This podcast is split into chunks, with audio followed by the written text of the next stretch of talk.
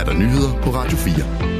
Det er ikke noget synderligt avanceret angreb, men snarere en irritation, at flere hjemmesider i dag er blevet hacket. Det siger Daniel Mio Pedersen, professor i cybersikkerhed ved Aalborg Universitet. Flere danske hjemmesider er i eftermiddag og aften blevet lagt ned efter at være ramt af hackerangreb, blandt andet Københavns Lufthavn, Trafikstyrelsen og Movia. Ifølge TV2 er det den russiske hackergruppe NoName 057, som til sydenlandene angriber danske hjemmesider som gengældelse for Danmarks løfte om fortsat at støtte Ukraine. TV2 citerer gruppen for at skrive på beskedtjenesten Telegram, at den for anden dag i træk giver Danmark en uforglemmelig weekend og vil ramme tre transportwebsteder og en kommune. Men selvom det kan være irriterende, at hjemmesider bliver lagt ned, så er det ikke noget særligt, ifølge Daniel Mio Pedersen. Altså, jeg kan forstå mig ved, at det er et overbelastningsangreb, som vi har set. Man kan sige, at det er, det er måske nok mere avanceret end dem, der har været tidligere, men det er stadigvæk kun et overbelastningsangreb. Det vil sige, at man tager en hjemmeside ned øh, midlertidigt, og når angrebet ophører, så kommer hjemmesiden op og kører igen, så der er jo ikke sådan en permanent skade på noget, og derfor synes jeg heller ikke, det, det er jo ikke sådan et rigtigt hackerangreb. Det er mere, det er mere irriterende. Også Tisted Kommune fik lagt sin hjemmeside ned af hackerangreb. Angrebet var ifølge kommunen rettet mod Tisted Lufthavn. Og generelt er vi ikke super godt beskyttet mod hackerangreb, fortæller professor Jens Mjø Pedersen. Men det er ikke så meget den her type angreb, jeg er bange for. Jeg er mere angreb, jeg er bange for angreb, hvor man sådan lægger ting ned øh, permanent eller får adgang til systemer og data som man ikke burde have adgang til at bruge de adgange, enten til at få adgang til personoplysninger eller lægsystemer ned i længere tid. Men de her, de her midlertidige afbrydelser, det synes jeg ikke er så slemt. Det vil koste Ukraines præsident dyrt, hvis det tabstal, han har lagt frem i dag, viser sig at være misvisende. Det siger militæranalytiker ved Forsvarsakademiet, Janette Seritslev. Ifølge præsidenten, altså Volodymyr Zelensky, har 31.000 ukrainske soldater mistet livet under krigen i Ukraine, og det er første gang, at han officielt melder et tal ud.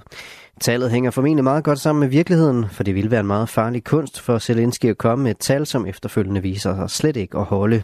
Hans troværdighed over for både det ukrainske folk og Vesten står på spil, siger Janette Særitslev.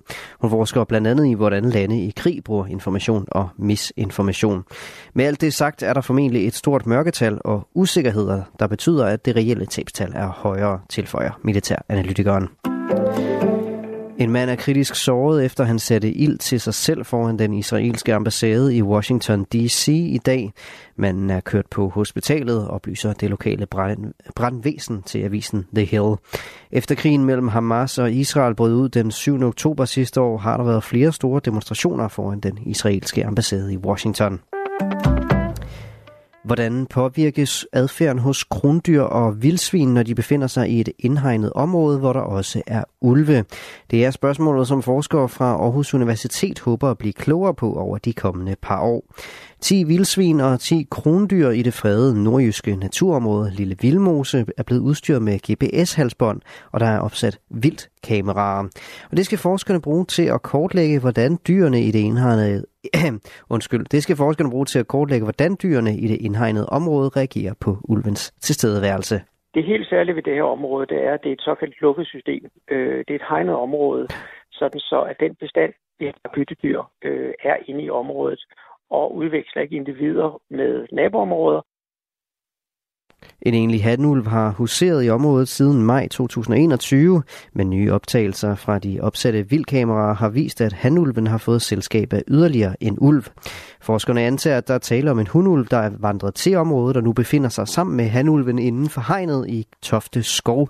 GPS-data og vildkameraer vil give forskerne viden om byttedyrenes adfærd og reaktionsmønstre på forskellige tider af døgnet. Når vi er færdige, kan sammenligne med en tilsvarende undersøgelse, der blev udført for nogle år tilbage i samme område, men inden der kom ulve. Så vi får mulighed for at sammenligne adfærd før og efter der kom ulv i det samme område. Lyder det fra professor Peter Sunde fra Aarhus Universitet. Og så nåede vi også til dagens sidste vejrudsigt. I nat mest skyde og diset og lokalt enkelte lette byer, der kan være med slud eller tøsne. Ud på natten risiko for togebanker. Temperaturer fra omkring fryspunktet til 4 graders varme og svag til jævn vind fra skiftende retninger.